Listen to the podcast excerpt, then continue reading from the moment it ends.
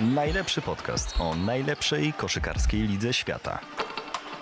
Explain the NBA. Analizują i wyjaśniają Mirosław Noculak i Radosław Spiak. Co tydzień tylko na desport.pl. A zatem zaczynamy trzeci odcinek naszego podcastu w nowym sezonie. Witaj Mirosławie. Witaj, witaj. Ponieważ mamy dzisiaj dużo ciekawych tematów do omówienia, to bez zbędnej zwłoki przechodzimy do naszego subiektywnego przeglądu tygodnia. Co ty A na to? Mam, po pierwsze mam sentyment do trójki i do trój, bo zawsze miałem trójkę z zachowania.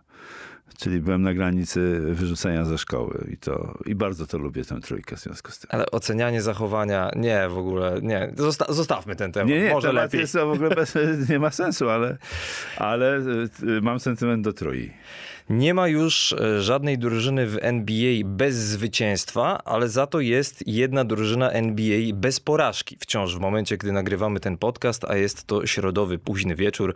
Są to Milwaukee Bucks, którzy przewodzą konferencji wschodniej z bilansem 6 do 0 i do tej pory o nich za bardzo nie wspominaliśmy, natomiast pamiętajmy, że to są mistrzowie sprzed dwóch sezonów i w poprzednim sezonie odpadli w playoffach z Boston Celtics, chociaż grali wtedy bez kontuzjowanego Chrisa Middletona. Mirosławie, czy Milwaukee Bucks ponownie będą walczyli o mistrzostwo i ogólnie na ten początek sezonu, co sądzisz o ich grze? Dlaczego mimo tego, że są bez Chrisa Middletona na razie grają tak dobrze? Po pierwsze, myślę, że, że grali też, no, no, w zasadzie grali z trudnymi przeciwnikami, bo pierwszy mecz był z, grali z Filadelfią i wygrali dwoma punktami. E, Później z, wygrali też z Atlantą i z mm, i z kim jeszcze ze wschodniej. e, Ostatnio wygrali z Detroit. A, z Detroit i także, e, no i z, i z Brooklynem. Czyli zespołami, które w, przed sezonem były wymieniały jako, wymieniane jako kandydaci do, do, do, do, do, do walki o finał konferencji przynajmniej. Ale myślę, że tak, że po pierwsze to jest e, niewiele zmieniony skład, mimo że nie ma Chrisa Middletona, to ta trójka liderów, czyli e, Janis, e, Drew i doszedł po przerwie dłużej Brook Lopez i on robi taką swoistą różnicę w tym, w tym zespole. No i także E, także e, pozostali gracze grają na dobrym poziomie, więc e, myślę, że Milwaukee głównie dlatego, że jednak że utrzymali, że utrzymali skład i doświadczenie, które wynika z tamtych sezonów, daje znać o sobie. No to skoro wspomniałeś o Bruku Lopezie, to tak, ja bym zaczął od tego, że zaczął jeszcze więcej rzucać za trzy punkty. Średnio 7 oddanych rzutów za trzy, przy skuteczności na razie poniżej 36%, więc bez rewelacji, ale całkiem nieźle z drugiej strony. E, bardzo mi się podoba system e, Mike'a Budenholzera z pierwszą piątką, bo jak się tak popatrzy na pierwszą piątkę, Drew Holiday, Javon Carter, Grayson Allen, czyli dość niski skład na pozycjach od Obwodowy. 1 do 3, tak. Janis i Brook Lopez, to e, statystycznie patrząc, ta pierwsza piątka na razie w tych e, sześciu meczach do tej pory zagrała ze sobą razem 138 posiadań piłki. Następna piątka Milwaukee Bucks z najwyższą liczbą posiadań razem to jest 38, czyli o 100 posiadań więcej od drugiej najczęściej używanej piątki. Więc to pokazuje, jak bardzo na samym początku rozgrywek Milwaukee zależą od wyjściowego składu. I uwaga, ten wyjściowy skład jest na plus 25 punktów na 100 posiadań z rywalami. To jest przepaść, totalna przepaść. No to jest zaskoczenie, szczególnie z e, właśnie z mm, Carterem, który no, wcześniej nie grał aż tak dużo, prawda, w drużynie Milwaukee i, i to jest ciekawy pomysł e, Budenholzera.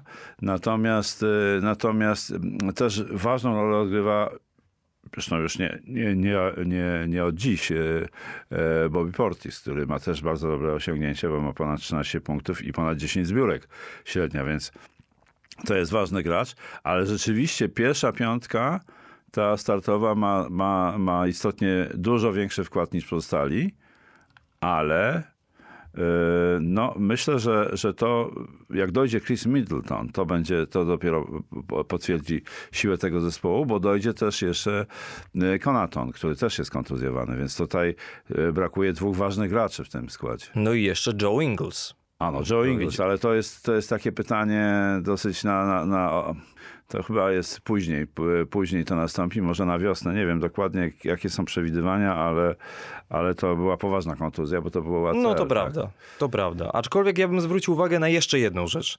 Bo w zeszłym sezonie, i o tym też mówiliśmy w naszym podcaście, Milwaukee pozwalali rywalom na najmniej celnych i najmniej oddanych rzutów za trzy punkty. Teraz na starcie sezonu to się trochę zmieniło. Oczywiście nie jest to na razie zbyt duża próbka, bo sześć meczów, ale oni pozwalają rywalom na oddawanie o 10 rzutów za trzy więcej niż rok temu. O 10 Dużo. czyli naprawdę sporo. A to jest trochę tak, że Javon Carter naciska rozgrywającego, może to robić, rozgrywającego rywali na całym boisku. Drew Holiday zajmuje się głównym punktującym, a Grayson Allen jest odstawiony do teoretycznie najsłabszego ofensywnego zawodnika rywali. I masz Janisa i Bruka Lopeza pod koszem wtedy. No Middleton jest jednak wyższy i od Cartera i od Graysona Allena. Natomiast ta różnica jest po prostu bardzo duża, aż się zdziwiłem.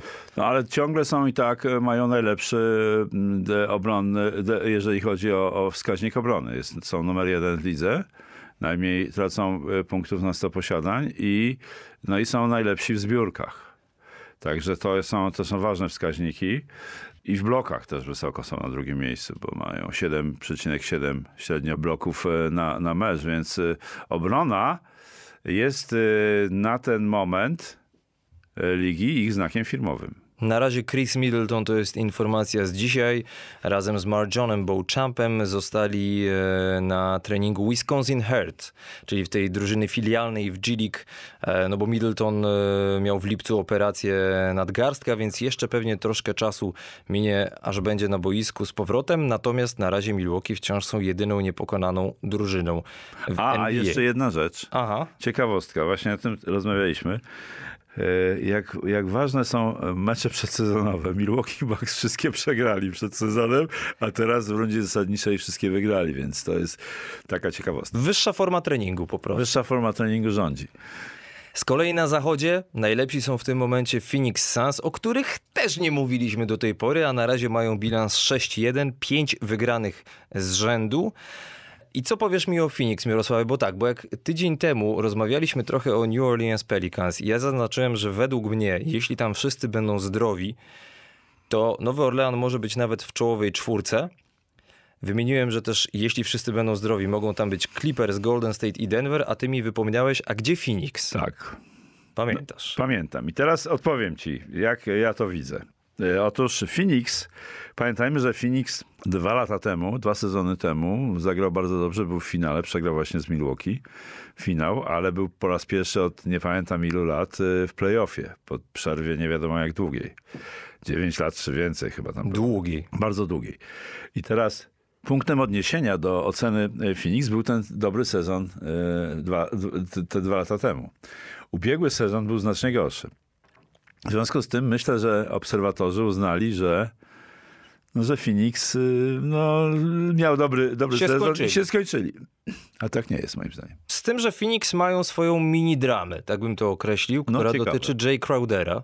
No właśnie. Jay Crowder na razie jest poza zespołem. Jeden e, z dziennikarzy rozmawiał z nim, to był Chris Haynes z TNT i podobno e, Jay Crowder zaprzeczył, że jego, nie wiem czy można to nazwać konfliktem, ale że jego nieobecność dotyczy tego, że nie chce być rezerwowym i że nie zgadza się z tym, żeby Cameron Johnson był zawodnikiem pierwszej piątki. Cameron Johnson ostatnio gra doprawdy wyśmienicie. W trzech meczach z rzędu poprawił swoją najlepszą zdobycz punktową w tym sezonie. Ostatnio sypnął 7 trójek Tak w jednym jest. spotkaniu przeciwko Na 11 Minnesocie. oddanych, tak. Przeciwko Minnesocie. E, Czy Phoenix potrzebują Jay Crowdera, żeby zdobyć mistrzostwo? Znaczy, Jay Crowder jest, y, jest y, graczem o silnej osobowości, takim typem walczaka, więc on dużo wnosi do zespołu. Natomiast, natomiast moim zdaniem e, Cameron Johnson jest zawodnikiem wszechstronniejszym od niego i młodszym. To są ważne rzeczy. Może gdzieś zdążymy powiedzieć o tym, że jak się liga zmienia, że ci starsi gracze, e, ta różnica między, między mocą młodszych zawodników a starszych jest coraz bardziej widoczna w NBA obecnej. Ale zostawmy ten, ten temat. No I, i nie uważam, żeby, żeby, żeby tam, że oni muszą ten problem rozwiązać. Tam był też problem z Aytonem. Ja właśnie chciałem powiedzieć, że pamiętasz, że w ubiegłym roku mówiliśmy, że, że James Jones, jeden z najlepszych, najwyżej notowanych GM-ów, nawet jest w rankingu jakiejś tam specjalistycznej e, firmy, jest u, uważany za drugiego wśród sportów tych zespołowych najważniejszych amerykańskich. W Stanach Zjednoczonych. W Stanach Zjednoczonych. Tam pierwszy został, został e, taki, taki pan, który, który się zajmuje e, sportem zawodowym innym, Les Snead z LA Rams, czyli z futbolu amerykańskiego. Więc bardzo wysoka pozycja jest Jamesa Jonesa i mówiliśmy o tym wielokrotnie. Natomiast moim zdaniem z Aytonem sprawę z, zepsuł. Spieprzył, mówiąc ek, e, e, expressis verbis. Zatem to, to, to zamieszanie z Aytonem kompletnie było niepotrzebne w drużynie, w drużynie mm, Phoenix. On podpisał teraz kontrakt, przedłożył ale, ale może jakiś osad pozostał. No, ale to tylko wytłumaczmy, bo e, DeAndre Ayton mógł podpisać przedłużenie e, swojego debiutanckiego kontraktu z Phoenix Suns przed rozpoczęciem poprzedniego tak, sezonu. Tak. Ale e, James Jones najwyraźniej miał inny plan i w tym roku DeAndre Ayton był tak zwanym zastrzeżonym wolnym agentem. Dostał ofertę od Indiana Pacers 133 miliony dolarów za 4 lata. Najwyższa taka oferta dla zastrzeżonego wolnego agenta w historii. No i Phoenix mieli prawo to wyrównać. I wyrównali, w związku z czym DeAndre Ayton został w drużynie. Ale potem y, na, przed, przed startem sezonu w, jednym, y, w trakcie jednej z rozmów powiedział, że on przez całe lato nie rozmawiał z trenerem Monty Williamsem. W ogóle że panowie nie wymienili ze sobą ani jednego zdania. Na razie, nawet bez DeAndre Aytona, bo on teraz jest kontuzjowany i nie grał w ostatnich dwóch meczach, Phoenix wygrywają i wydaje się, że ta relacja Aytona z trenerem jest ok, ale ja mimo wszystko mam wątpliwości, dlatego że e, to, co widzieliśmy w playoffach w poprzednim sezonie w meczu numer 7 przeciwko Dallas, które Phoenix przegrało 33 punktami, tam właśnie DeAndre Ayton w drugiej połowie prawie w ogóle nie grał i Monty Williams powiedział wtedy po konferencji prasowej, że to jest wewnętrzna sprawa zespołu. Okay, skoro jest wewnętrzna sprawa zespołu, niech sobie będzie, ale mam wrażenie, to jest tylko moje wrażenie, że DeAndre Ayton tak do końca nie chce tam być. Znaczy to jest w ogóle trudny człowiek moim zdaniem, DeAndre Ayton. Tak, tak na, z daleka jak go obserwuję, to, to, jest, to nie jest łatwy człowiek w komunikacji. Monty Williams raczej mamy wrażenie, że on jest, że on jest bardzo empatycznym trenerem. E, coś tam musiało być, natomiast, e, natomiast e, ja myślę, że on, że on mógł się poczuć dotknięty tą, tą sprawą. Moja, moja opinia jest taka z Jamesem Jonesem, że nie podpisał pod, z nim od razu po, kiedy było możliwe podpisanie kontraktu po tym okresie pierwszym, to, to, to był błąd moim zdaniem Jamesa Jonesa i, i tyle. Ale to jest e, bardzo ważny zawodnik, jak wiemy, DeAndre Ayton. E, jego zmiennikiem z Biombu. Bardzo, bardzo ciekawie. On zawsze, kiedy, kiedy Ayton nie może grać, e, jest też gra o, o, o, klasę lepiej niż wtedy, gdy jest tylko zmiennikiem Aytona, który jest, który jest gra w zespole. Takie, takie odniosłem wrażenie, że on, że on po prostu ma jakiś, jakiś, może mieć jakiś kompleks Aytona. Ale to takie tylko wrażenie. Jest y, jeszcze jedna drużyna, wokół której dużo się działo w tym tygodniu i w naszym subiektywnym przeglądzie chętnie poświęcilibyśmy jej miejsce, ale uznaliśmy, że działo się tam za dużo, żeby rozmawiać o niej tylko w przeglądzie tygodnia i to będzie nasz główny temat w dzisiejszym odcinku. I myślę, że yy, drodzy słuchacze, domyślacie się o jaką drużynę chodzi, dlatego że Brooklyn Nets zostali pierwszą drużyną w tym sezonie, która rozstała się ze swoim szkoleniowcem, w tym przypadku Steve'em Nashem. Celowo użyłem sformułowania rozstała się, a nie zwolniła go, dlatego że oficjalnie doszło do tego za porozumieniem stron. Pamiętasz Mirosławie, jak w zapowiedzi sezonu w pierwszym odcinku analizowaliśmy Golden State Warriors i Boston Celtics i mówiliśmy, że i u jednych i u drugich dużo się dzieje, a ja nawet powiedziałem wtedy, że trochę za dużo. To co dopiero powiedzieć o Brooklyn Nets w tym momencie, którzy na razie jeszcze nie mają nowego głównego trenera, przynajmniej w momencie, gdy nagrywamy te słowa. Na razie tymczasowym głównym trenerem został Jacques Vaughn. I zacząłbym od takiego pytania do ciebie, Mirosławie. Czy Steve Nash jest kozłem ofiarnym w tej sytuacji? Nie. E, ja od początku obserwuję Steve'a, e, Nasha jako trenera, jego pociągnięcia, jego zachowania, jego decyzje, zachowanie przy linii. A przede wszystkim e, styl gry zespołu. I nigdy nie widziałem żadnego stylu w grze Brooklynu, czyli nie widziałem takiego wyraźnego, wyraźnego wpływu trenera na to, co robią zawodnicy na boisku. To, to było od początku i uważam, że nie każdy wybitny gracz y, może zostać y, wybitnym trenerem. To jest, to jest znana prawda, nie ma, nie ma co się nad tym rozwodzić. I Steve Nash, który był, jest Hall of Famerem, nie, nie, nie sprostał zadaniu, moim zdaniem, prowadzenia tego zespołu. Przypomnijmy, że to był też debiut jego trenerski Brooklyn Nets, więc nie taka łatwa sprawa. Nie jest kozłem ofiarnym, po prostu, po prostu uważam, że powinien być zwolniony, być może nawet wcześniej. Mm, e, no dobra, ale to jest w całości jego wina, że ta drużyna no nie wygląda tak źle? Mówimy o jego, o, mówimy o jego, o jego, ja mówię tylko o tym, co widziałem, jak, jak obserwowałem okay. go jak, jako trenera. Bo ja patrzę zawsze na trenerów, jak reagują. To po prostu jest oczywiste, ponieważ sam tym zawodem się zajmowałem lub zaj będę jeszcze zajmować, bo chwilowo nie. Ale, Ale no to wiesz, wiesz, co ja ci powiem ze swojej perspektywy? Ja nawet nie wiem, czy Steve Nash jest dobrym trenerem, czy nie. No nie jest. Nie, a, nie, a ja mówię, że nie wiem, czy jest, bo nie da się tego określić po tych latach w Brooklynie. Jakbyś miał na co dzień do czynienia, po pierwsze, z wielką prima balleriną, która e, mówi publicznie mediom, że nie chce cię w drużynie, a potem, no dobra, potem żąda wymiany, a potem mówi, że no dobra, jednak jeszcze zostanie. Potem z gościem bez mózgu, a potem jeszcze z gościem, który y, w ogóle nie ma silnej psychiki, mówię o Benie Simonsie w tym trzecim przypadku. W drugim, w drugim to chyba wiadomo o kogo tak, chodzi. Tak.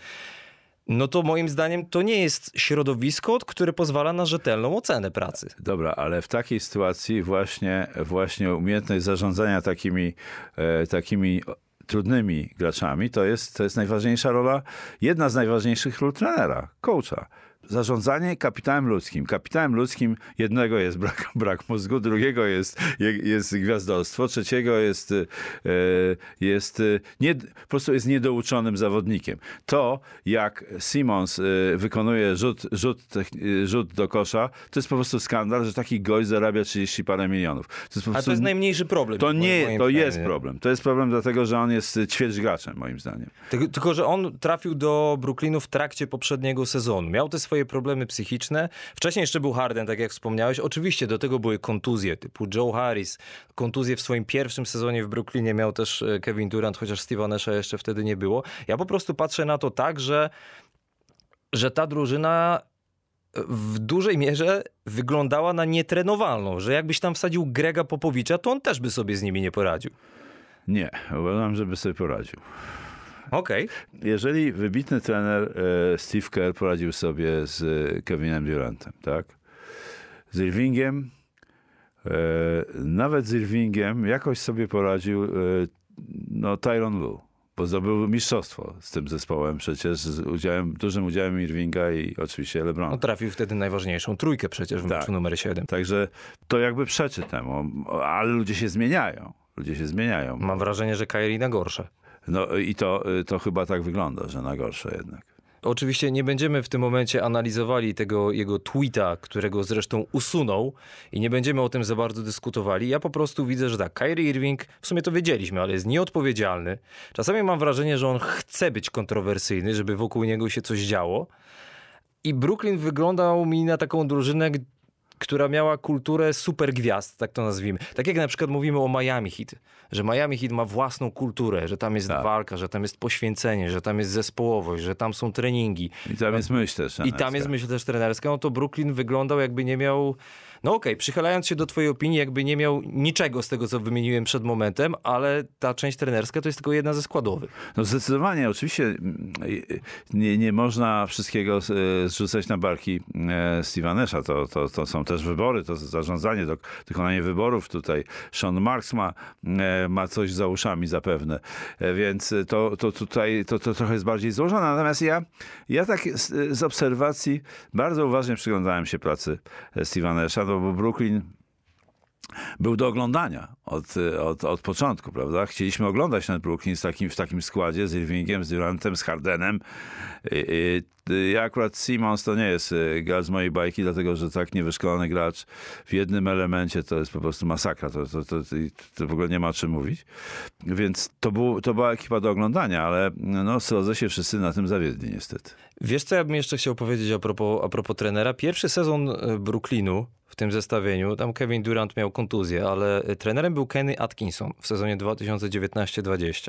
To był trener, który faktycznie chciał trenować Kyriego Irvinga, a nie tylko być przy linii bocznej, a niech on sobie robi co chce. Po tym jak Kennego Atkinsona zwolniono, Kyrie powiedział w podcaście swoją drogą Kevina Duranta, że w sumie to my nie potrzebujemy trenera, że ja mogę być trenerem, albo Kevin, ty możesz być trenerem. No to o czym to świadczy? Y, nie chciałbym się zbyt dosadnie wypowiadać na ten temat, ale y, y, myślę, że tutaj jest problem takiej zwykłej odpowiedzialności tych ludzi za to, że są w zespole. Że to jest zupełnie co innego niż bycie solo. Niech sobie Irving pogra w squasha niech sobie pogra w tenisa i tam będzie rządził swoimi fobiami czy, y, czy innymi filiami. Chyba, że będzie w deblu. W deblu niech nie gra, bo będzie katastrofa. Więc, więc, y, więc to, to, to, jest, to jest ten problem, że i, i co mnie najbardziej dziwiło, że, że Durant uległ też takiej, takiej, takim, takim zachowaniem, bo pamiętasz, jak komentowaliśmy Igrzyska e, z Tokio? Jak się zachwycaliśmy jego grą, jak on stał się liderem tego zespołu w trakcie imprezy. To robiło na mnie ogromne wrażenie, ta, ta, ta, jego postawa, jak, jak e, właśnie u Popowicza stał się liderem ekipy reprezentacji Stanów Zjednoczonych w Igrzyskach w Tokio. A tutaj e, no, zachowuje się właśnie bardzo nieodpowiedzialnie i Durant, i Irving i jakby był pod wpływem, może nie, słowo jakby jest niewłaściwe, wy, wy, wycina mnie, bo nie lubię tego słowa, bo jakby to znaczy, że nie wiadomo. On wydaje mi się, że jest, e, że, że, że może być pod wpływem właśnie takiego złego zachowania Irvinga, co świadczy o tym, że nie, jest, e, nie ma silnego charakteru, nie ma silnej osobowości. No i dla mnie Brooklyn Nets wyglądają w tym momencie jak najbardziej dysfunkcjonalny zespół w NBA. Że, że Kyrie Irving jest toksyczny, jak to się zwykło określać, i że management robił to, co chcieli koszykarze i nawet to, że to są świetni koszykarze, bo to są świetni koszykarze. Kyrie Irving, Kevin Durant, wcześniej James Harden. Nie zmienia faktu, że moim zdaniem Kyrie wyrządza tej drużynie więcej szkód niż pożytku. E, ja się tak śmieję trochę, że może się okazać, że wszyscy kibice Nets będą rozpamiętywali nadepnięcie na linię e, za trzy punkty przez Kevina Duranta w meczu numer 7 na sekundę do końca przeciwko Milwaukee, że to, był, Milwaukee. że to był ten moment, który... Przesądził który, o kłopotach. Tak, że, że już więcej nic się nigdy, nigdy, w sensie do tej pory nie zdołało zadziać. I no Kyrie Irving jest w, ty, w tej lidze 12 sezon i miał dziewięciu różnych trenerów. Moim zdaniem to też nie jest przypadek. To nie jest przypadek, ale yy, właśnie, ale to też, to są, to są, to jest otoczka, tak? To jest otoczka tego, co się dzieje. Nie wiemy, jak ta otoczka, o której tyle powiedzieliśmy, ma wpływ na, e, na wartości statystyczne, które są tragiczne tego zespołu. Obrona tragiczna. E, najwięcej tracą punktów spod kosza, e, czyli nie mają dobrych, dobrych, że tak powiem, strażników obręczy, jak się teraz to tłumaczy dosłownie. Nie wiem, jak, jak, jak to powiedzieć po polsku, czy to są ochroniarze obręczy, czy kto, czy, czy, czy ząb obręczy na przykład. Nie, może nie przesadzajmy, ale strażnicy obręczy brzmi fajnie. No właśnie, więc to, e, to, jest, e, to, jest, to, to jest problem, bo Claxton i ten Sharp jest, są słabi po prostu pod tym, pod tym koszem. No w wodzie też jest coraz gorzej z obroną, bo, bo po prostu ta atmosfera jest fatalna w zespole. Więc e, e, też matematyka i liczby pokazują, że ten zespół jest w kompletnym e, demontażu, rzekłbym. No to skoro powiedziałeś o matematyce i o liczbach. Najgorsza drużyna w NBA w punktach traconych na 100 posiadań. Trzecia od końca po prostu w średniej liczbie punktów traconych. Szósta od końca, jeśli chodzi o tempo gry. I teraz dochodzimy do pytania. Czy to się jeszcze da zmienić? To jest, naj, to jest pytanie, na które, na które musi sobie odpowiedzieć e, następca.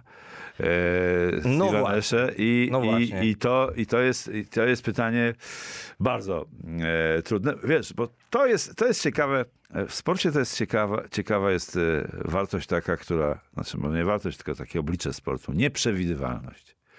Tego nie można zmierzyć do końca wszystkiego. Można mieć nie wiadomo jaki super skład, może, może być, y, dobrać do tego nie, naj, nie najlepszego trenera i wszystko może się y, rozlecieć. Może być tysiące powodów, niepowodzeń, mimo że wszystko wygląda super. Dlatego w sporcie, y, o sporcie mogą wszyscy mówić jak chcą dowolnie, bo nawet ci, którzy się na nim nie znają, mogą się nie pomylić w ocenach. Więc to jest, to jest bardzo trudne pytanie i ja nie wiem, jak to może zmienić następca. Na pewno musi zacząć od, od moim zdaniem, od tego, żeby ustawić ten zespół pod kątem moralnym. No to skoro wypowiedziałeś takie zdanie, to ja ci wejdę teraz w słowo. Bo mówi się o tym, być może kiedy będziecie odsłuchiwali ten odcinek, to już będzie po sprawie, że nowym trenerem Brooklynu ma zostać nie kto inny jak Ime Udoka. I to w kontekście słowa moralny powiedziałeś? Tak. Ech, Ime Udoka zawieszony przez Boston Celtics na jeden rok. Ime Udoka był asystentem Steve'a Nasha w Brooklynie, tak. więc zna tych ludzi, zna ten system. Mało tego, był wcześniej asystentem w Philadelphia 76ers, Gdzie więc zna Simons. Bena tak, Simonsa. Tak, tak. No i e, właśnie nawet pomijając te, te kwestie moralne, bo to e, kwestie moralne znaczy, bardziej... w sensie moralnym, że, że w sensie woli walki. E, w sensie... No właśnie, bo ja chciałem zaznaczyć, że nie chodzi mi w tym momencie o te sprawy pozabojskowe, nie, nie, nie. bo to będzie bardziej dla mediów, bardziej dla kibiców, tak? Morale chodzi w sensie, o, o w sensie siły zespołu, siły, siły, team spirit to jest to dobre słowo, które określam zamiennie morale zespołu, czyli duch zespołowości, takiej, że wszyscy są za wszystkich odpowiedzialni, że wszyscy są e, jak najlepiej dla zespołu. To, to miałem na myśli. No to czy Ime Judoka może być taką osobą? Posłuchaj, w tym momencie, bo moim zdaniem to mimo wszystko jest istotne, że to może mieć przełożenie. Posłuchaj, a wiesz, kim on będzie zarządzał? No, człowiekiem bez mózgu. No, między innymi, ale e, ogólniej. Facetami. Na facetów to, co zrobił Medoka, w ogóle nie działa. Myślisz? 100%. moim zdaniem może działać na kibiców, na przykład Brooklyn. Kibiców może działać, może na różne organizacje feministyczne może działać, może działać na różne inne organizacje, ale na facetów, zespołów, to ja jestem przekonany, że ta historia nie będzie miała żadnego wpływu. A jeśli będą problemy karne? Jak, Bo nie wiesz tego. Co? No nie wiesz. Że tego. będzie musiał kogoś ukarać? Nie, że on dostanie karę imię Judoka. Za to, co zrobił? No, bo nie, wiem, nie, nie wiemy tego, konkretnie. Tego nie, wie, nie wiem, ale, no, ale ja, ja, ja, ja mam swoją opinię, tak? No. Że gdyby do mnie trafił taki trener, który e, narozrabiał i się brzydko zachował w stosunku do jakiejś pani, e, używał niewłaściwych słów i tak dalej, i tak dalej, to pomyślał sobie, no, dżentelmenem to on nie jest. Ale nie on jeden i nie pierwszy i nie ostatni. Bo żeby była jasność, ja uważam, I to jest że... trochę szowinistyczne, ja wiem to, co mówię, ale, ale, ale tak, tak, tak, tak uważam, że to nie, to nie ma, nie będzie miał wpływu. Natomiast jeżeli będzie miał, jeżeli będą konsekwencje karne jakieś, no to, to gorzej. Bo moim zdaniem czysto sportowo i koszykarsko to naprawdę może być dobry ruch, tylko biorąc pod uwagę to, co się teraz dzieje na Brooklynie w związku z tą z całym klubem jako organizacją, z tym nieszczęsnym tweetem Kyriego Irvinga, gdzie przyszli kibice, siedzieli w pierwszym rzędzie z koszulkami z napisem fight antisemityzm i tak dalej. Tym się teraz nie będziemy zajmowali, ale chodzi mi o to, że dokładanie sobie kolejnego problemu w postaci tej osoby z punktu widzenia organizacji może być błędem. Koszykarsko może być ok. Bardzo mi się podoba. To bardzo mi się podoba twoje rozumowanie. Otóż e, tak, to, e, to jest splot, splot różnych okoliczności, które, które nie, niedobrze wróżą, tak patrząc na to z boku. Ale uważam, że uważam, że to generalnie nie będzie miało wpływu na, na to. to. Wszystko zależy od tego, jak, jak IME E, jak IME będzie potrafił wyegzekwować, jeżeli zostanie trenerem oczywiście, będzie potrafił wyegzekwować te rzeczy, które nieoczekiwanie według mnie udało mu się zrobić w grupie rzezimieszków niezłych w Bostonie. No Pamięta... nie, no to nie ma ja porównania. Wiem, ja wiem, że nie ma porównania, ale pamiętasz, co było na początku Smart, jak się obrażał na, czy obrażał, czy miał pretensje do, do tej Tuma i tak dalej, tam była zawierucha. On musiał to rozwiązywać. Mówię o imię Udoce. On musiał to rozwiązywać w jaki sposób. Musiał brać udział, przypuszczam, że brał udział w rozwiązywaniu tych problemów. Tu są oczywiście większe problemy, no i ma tego, tego gościa, który, y, który no ma potrzebę y, błyszczenia w, no, no roz, mówiąc inaczej, krócej, rozwalania zespołu. Nie wiadomo dlaczego będzie problem. Ale, ale jestem ciekaw, jak to rozwiąże właśnie przyszły trener. Kevin Durant po zwolnieniu Steve'a Nasha powiedział, że jest zszokowany tą sytuacją. Hipokryzja pierwszej, ma, pierwszej klasy. No i właśnie, właśnie do tego jeszcze chciałem nawiązać, dlatego że to, co mnie boli w tej sytuacji, to jest nawet nie wyłączając e, tego, że Steve Nash popełniał błędy, albo może się nie nadawał do tej pracy, albo cokolwiek. No nie spełnił oczekiwań, O, tak może- najogólniej rzecz biorąc. No właśnie. To boli mnie trochę to, że koszykarze zrzucają z siebie odpowiedzialność. Bo no, to też jest ich A- a- odpowiedzialność. Ale to właśnie powiedziałem, że największym zadaniem będzie wytłumaczenie tym panom, że to jest ich odpowiedzialność, nas wszystkich, zespołu sztabu szkoleniowego i zawodników. Ja już pomijam e, te biurowe sprawy, tak, organizacyjne, bo to jest tam najczęściej na bardzo wysokim poziomie. Natomiast brygada, którą zarządza e, trener, czyli brygada ludzi z, z, zawodników, tam musi wszystko być poukładane e, perfekcyjnie, jeżeli oni mają cokolwiek zrobić w tym sezonie jeszcze. Bo Bo wiad- teraz nie jest poukładane, więc to trzeba poskładać, mówiąc inaczej. No wiadomo, że jak chcesz walczyć o mistrzostwo, to sezon jest tak długi, że będą się pojawiały jakieś problemy. Najmniejsze problemy to mogą być drobne kontuzje, największe problemy to jest wszystko to, co dzieje się w tym momencie na Brooklynie, powiedzmy. I Tak. w dużej mierze od liderów właśnie zależy, jak zespół sobie poradzi. To, czy trener będzie miał wpływ na tych liderów, to jest osobna sprawa, ale i Ale kluczowa. Ale kluczowa, ale i Durant, i Kyrie Irving są na tyle doświadczonymi koszykarzami, że powinni sobie z tego zdawać sprawę. Z mojej perspektywy wygląda to trochę tak, że u nich zadziałał taki mechanizm, że są problemy, to zmieńmy trenera. Są problemy, to sprowadźcie mojego kumpla, Jamesa Hardena. Harden się zorientował, co się dzieje, no to stwierdził, spadam stąd. No to Kevin Durant mówi, to wymieńcie mnie w przerwie między sezonami, albo sprzedajcie, albo no dobra, w końcu zostaje. Zero konsekwencji w tym jest. Wszystko e, to, o czym mówisz, to jest e, w jednym zbiorze pod tytułem nieodpowiedzialność. Brak e, jakiejkolwiek odpowiedzialności, czyli całkowite zrzucanie z siebie, szukanie kozła ofiar, ofiarnego poza sobą. Dosyć ludzkie, ale no, musi być to zmieniane, jeżeli Brooklyn chce w ogóle coś, coś zrobić w tym sezonie. Ostatnie pytanie a propos tego właśnie. Jeśli Brooklyn chce coś zrobić w tym sezonie, jeśli przyjdzie nowy trener, to znaczy przyjdzie nowy trener, ale jeśli będzie w stanie dotrzeć do tych gwiazd, jeśli oni zaczną wyglądać jak zespół, to czy w tym składzie personalnym, jaki mają, faktycznie mogą o to mistrzostwo powalczyć? No, trudno, y, t- trudno. Mnie, mnie bardzo tam nie pasuje ten Ben Simmons do tego, do tej ekipy. Jednak. Tak, nie, nie, to... A to miała jest- być korzyść. Tak, to za miał być, to Hardena. jest, to jest gracz, y, no, uważany za, za wybitnego nawet, no, ale, ale niestety i, i problemy psychiczne i jego nie, dzisiejszej koszykówce, jeżeli zawodnik obwodowy, nie wiem, czy, czy, czy, czy, czy wiesz, że Steve Nash y, próbował go ustawić tyłem do, tyłem do kosza, jak nie miał tych Kleksona i tego drugiego Sharpa na boisku. No to to są w ogóle już pomysły, które Wyobrażam sobie, jak mógł zareagować Ben Simmons na taki pomysł, żeby rozgrywającego ustawić na pozycji yy, na low postie, czyli na niski, jako Ale on grał na low poście w Filadelfii czasami. No tak, ale on grał dlatego, że on miał zawsze przewagę nad tym, którzy, którzy go kryją. Ale nie z założenia, że, że wychodzi jako gracz środkowy, tak, w piątce. To, to, to jest zupełnie inna sytuacja. Więc y, te rezerwy, które, które są, których Steve... Mi, mnie z jedną rzeczą imponował Steve Nash w ubiegłym sezonie, że on bardzo dużo w sezonie zasadniczym uruchamiał tych swoich e, pierwszoroczniaków, którzy bardzo fajnie grali. I, a potem, w, w, w, jak się zbliżał playoff, to zaczął z nich rezygnować. I, i- I z tego nie ma śladu dzisiaj, w ogóle żadnego, że oni mieli tam niezłe, niezłe osiągnięcie. Więc y, głębia składu jest słaba, nie ma tam głębi składu moim zdaniem. E, Życzę jak najlepiej Brooklynowi, bo zawsze chcieliśmy ich oglądać, bo to jest zbiór takich ludzi, których y, oglądać można z przyjemnością. Chyba, że tak nawalają jak teraz, to już wtedy, wtedy już jest gorzej z tym. To jeszcze dwa zdania ode mnie. Moim zdaniem brakuje im tak zwanego size'u, o którym mówiliśmy Aha. już tydzień temu. Zwłaszcza pod koszem. No tak, no tam jest, tam duże straty ponoszą.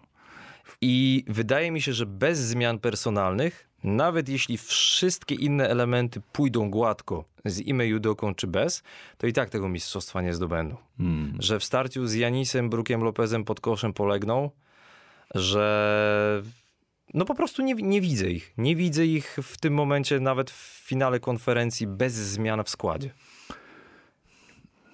Wiele na to wskazuje i trudno się z tobą nie zgodzić.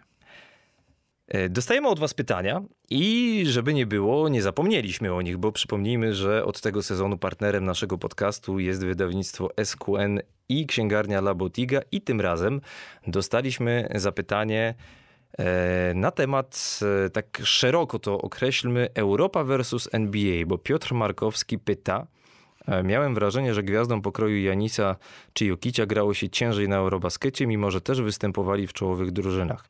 Jokic wyraził też opinię, że w Eurobaskecie była mocniejsza obrona niż jest w NBA, co wywołało zdziwienie za oceanem. Czy autorzy audycji, w domyśle my, podzielają te opinie, a jeśli tak, to jaka jest różnica w grze obronnej w NBA i w Europie? Ja tylko zaznaczę jeszcze, zanim odpowiesz Mirosławie, że podczas dnia e, dla mediów przed rozpoczęciem tego sezonu Janis Antetokounmpo też tłumaczył, że w NBA trudniej jest zdobywać punkty i kilka lat temu to samo mówił Luka Doncic. Tak, od, e, odpowiem tak. Po pierwsze, e, nie wierzę w to, że w Europie są lepsi obrońcy niż w NBA. Od tego zacznę i to jest punkt wyjścia do mojego rozumowania. Po pierwsze są, jest różnica istotna w przepisach. Pierwsza rzecz to jest brak trzech sekund w obronie w, w Europie, w związku z tym może sobie pod koszem stać pięciu graczy w umalowanym y, i zablokować wjazdy na przykład Janisa. I bez żadnych konsekwencji e, regulaminowych, że się tak wyrażę. To jest pierwsza rzecz. Druga rzecz jest odległość rzutu za trzy punkty. To jest różnica pół metra i w związku z tym jest znacznie większa przestrzeń do gry jeden na jednego w NBA plus te 3 sekundy w obronie niż w warunkach fibowskich, mówiąc najogólniej, czyli Właśnie, bo europejskich. cho- nie chodzi tylko o Europę, Tak. ale to jest taki skrót myślowy. Tak, tak ale, ale, ale to w kontekście tych ostatnich mistrzostw, gdzie, e, gdzie, mm, gdzie to było widoczne, że, że, że Janis miał problemy ze zdobywaniem punktów z pomalowanego. Więc to są dwa główne czynniki, które powodują regulaminy. Trochę większe boisko jest też w NBA, e, szersze znaczy i to, to, to powoduje, że jest więcej miejsca do, w, w, na boiskach NBA i w przepisach NBA do gry jeden na jednego, co jest y, wielkim atutem Janisa. Podobnie jest y, z Jokerem i podobnie jest z Doncicem, który gra dużo jeden na jednego i dużo i, i, i, e, i Jokic również y, gra sporo i tyłem i przodem do kosza. E, Więc to są, to są e, sprawy regulaminowe, bo nie, nie wierzę w to, że europejscy gracze są lepszymi obrońcami niż gracze, którzy, z którymi walczy Antetokounmpo i, i, i Doncic i Jokic e, na co dzień w NBA. No dobra, to jeszcze cytat z Kobiego Bryanta, świętej pamięci, który w 2006 mówił, że europejska koszykówka jest bardziej fizyczna od NBA i to zmieniłby jako pierwszą rzecz, gdyby mógł. No to jest, to jest myślę, że efekt tych zmian, które e, NBA wprowadziła, e, restrykcji, jeżeli chodzi o czystość gry w, w, obronie. Nieużywanie rąk, nie e, ten słynny czekowanie, czyli Hand checking. hand checking, trzymanie na, na prawie na sztywnej ręce obrońcy e, atakującego, żeby go kontrolować, jego poruszanie się, to jest, to jest, e, to wy, zostało wyeliminowane. Przypomnijmy, że w polu 3 sekund też nie można bronić i to przeniosło się też do Europy, czy w Europie było wcześniej, że nie wolno bronić e, grającego tyłem do kosza obu, o, o, opierając na nim obie, oba ramiona, czy przedramiona. Więc to też e, spowodowało, że, że ko- gra e, w jest, jest mniej twarda. No, I to też spowodowały te zmiany, że, że właśnie, że, mm, że inaczej, inaczej wygląda gra w obronie w NBA od wielu lat. Przecież pamiętamy, jakie były, e, co wyprawiali Pistonsi e, jako bad boys. No to, to co, co, co robili z Jordanem, to jest w ogóle nie do pomyślenia w obecnej NBA. No i nawet w Europie też nie ma takiej możliwości. Ale na przykład przed rozpoczęciem poprzedniego sezonu NBA trochę zmieniła przepisy, jeśli chodzi o dozwoloną obronę i kto zaczął narzekać przede wszystkim? James Harden, Trey Young, Damian Lillard, czyli zawodnicy obwodowi, którzy rzucali bardzo dużo punktów, którzy właśnie wchodzili w kontakt z rywalami i dużą część swoich punktów zdobywali z rzutów wolnych. No tak, to ten przepis też jest, e, uważam, że to jest dobry przepis, bo to jest, e, bo to jest takie wymuszanie, takie, takie powiedziałbym złodziejskie e, tego, tego, tych przewinień przez, przez tych wymienionych przez siebie graczy. No i też ten, ten przepis, ten kasus Paczuli, który, który istotnie zmienił w NBA podejście do, do tych spraw, czyli że nie można wchodzić w tak zwane pole przestrzeń rzutową e, gracza rzucającego. Czyli on musi wylądować w miejscu, które należy do jego, tak zwanego jego komina, że obrońca nie ma prawa tam wstawić nogi, bo to była, pamiętamy, bardzo groźna kontuzja Kawai Lenarda. I to był, to był ten przepis, został wtedy wprowadzony. Uważam, że bardzo słuszny. W NBA jest bardzo restrykcyjnie traktowany. Najczęściej jest to faul niesportowy, czyli ten flagrant, flagrant faul. Chciałem zaznaczyć, że rozmawiamy tutaj generalnie o tym, co mówili Jokic, Janis i Luka, niezależnie od siebie. Nie mówimy o tym, że w NBA łatwiej jest zdobyć 30 punktów, powiedzmy, albo 25.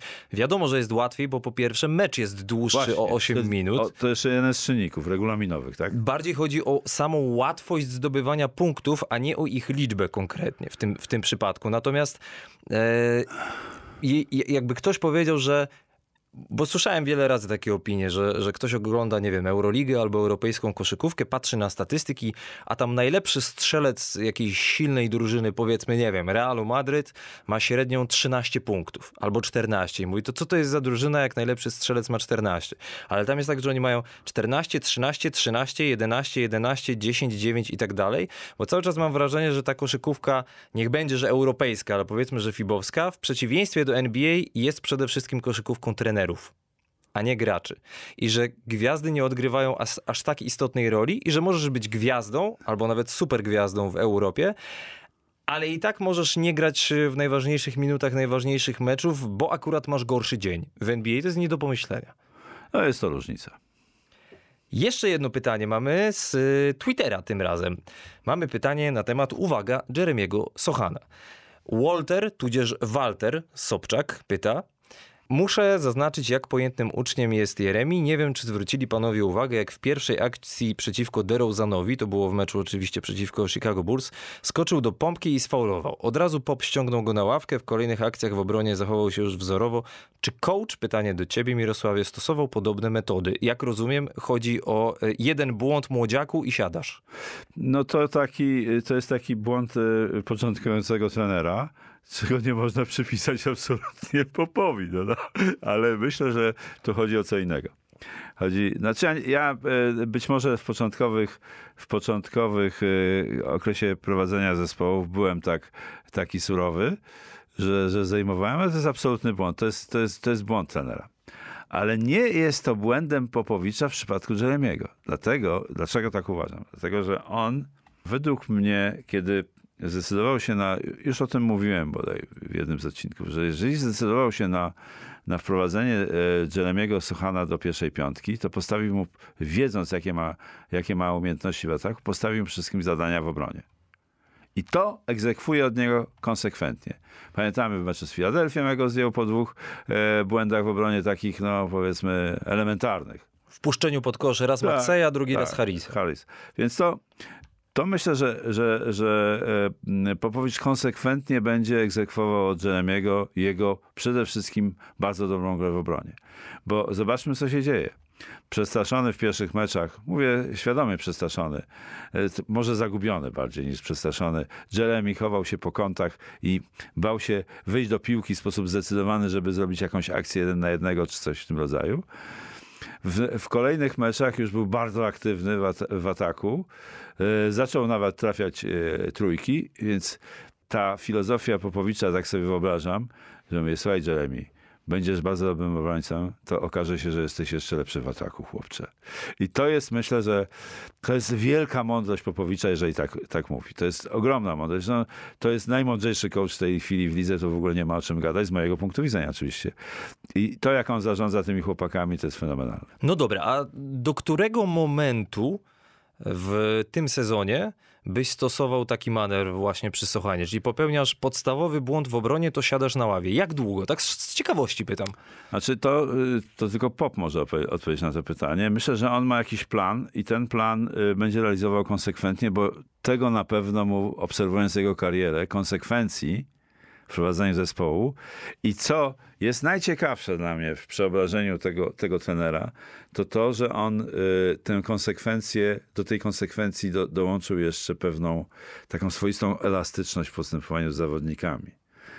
Tu się niesamowicie rozwinął i zmienił y, Greg Popowicz, ale konsekwencja w postępowaniu z zawodnikiem to jest jedna z najważniejszych zasad coachingu.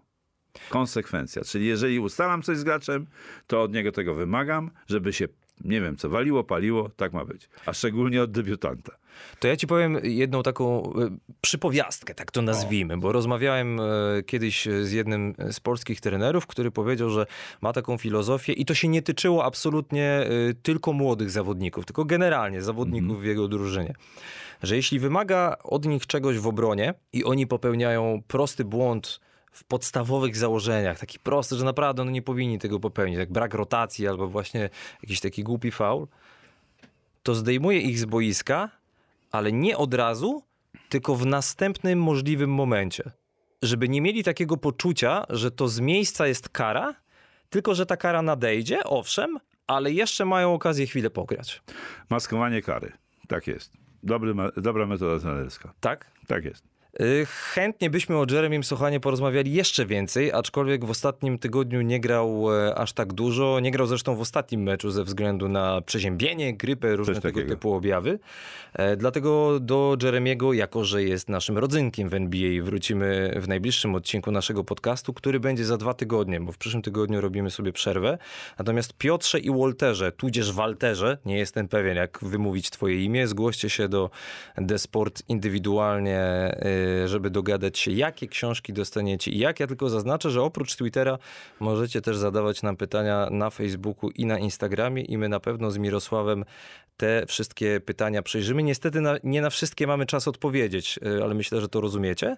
Natomiast na koniec jeszcze zaznaczmy Mirosławie, kiedy będzie można cię posłuchać w telewizji przy Sobota. okazji meczu NBA? W sobotę Kanal Plus Sacramento kontra Orlando to będzie wyzwanie komentatorskie.